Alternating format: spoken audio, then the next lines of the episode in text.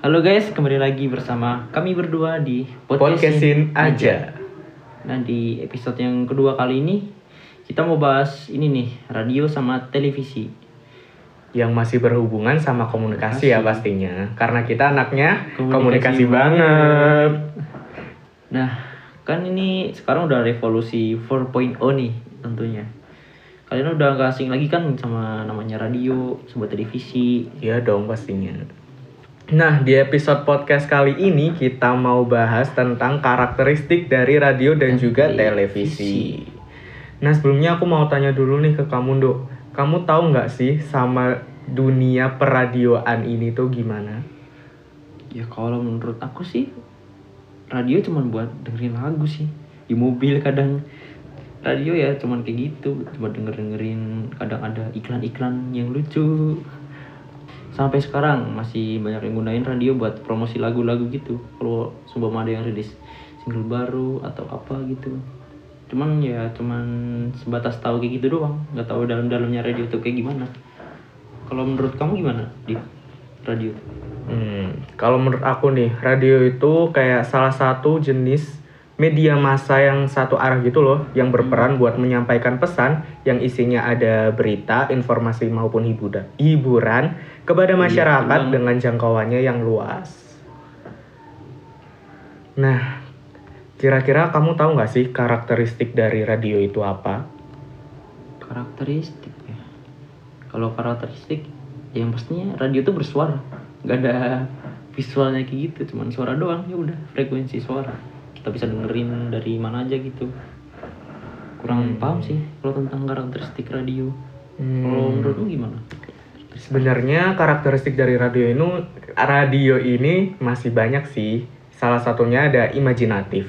Nah, radio ini bersifat theater of mind yang artinya radio itu mampu menciptakan gambar dalam pikiran pendengar melalui kekuatan kata dan juga suara. Terus ada auditory. Pendengar tidak akan dapat mendengar kembali informasi yang tidak jelas yang diterimanya karena ia tidak bisa meminta ke- meminta kepada komunikator atau penyiar untuk mengulang informasi yang hilang kecuali ia merekamnya. Dengan perkataan lain, pesan radio disusun secara singkat dan jelas. Terus ada akrab atau intim, bisa dilakukan sambil melakukan aktivitas lain.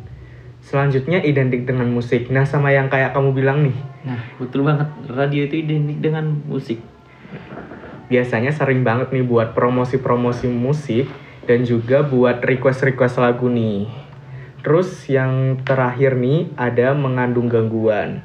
Kenapa? Karena mengandung gangguan ini bisa timbul dan tenggelam audionya karena gangguan teknis nih. Betul juga itu kadang di daerah mana gitu frekuensi cuma segini Iya kan? Kayak contohnya Prambors cuman di daerah semisal nih kita di kota terang masuk ke desa-desa udah sih hilang. Udah nggak ada. nggak ada terus kita mau bahas apa lagi nih Bahas apa ya? Kan tadi udah karakteristik dari radio. Radio Gimana udah. kalau karakteristik udah. dari televisi? oh iya kita mau bahas televisi ya kalau bedanya radio sama televisi sih itu cuman ini audio sama visual doang bedanya. Kalau di televisi kan ada gambar tuh kita bisa tahu bisa lihat apa yang mereka omongin secara visual kita bisa tahu. Kalau di radio kan kita cuma denger suara dari frekuensi-frekuensi itu doang. Kita cuman bisa bayangin oh dia tuh ngapain sih? Ngomong gini tuh wajahnya tuh kayak gimana? Kalau di televisi kita bisa lihat langsung secara visualnya kita ya kayak gitulah intinya.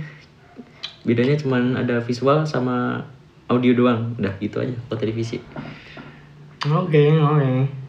oke. Udah nih. Udah. ya udah. Kita udahin aja podcast kali ini. Oke. oke terima kasih. Terima kasih udah dengerin manis. terima kasih. Terima kasih udah mau mau dengerin. Terima kasih.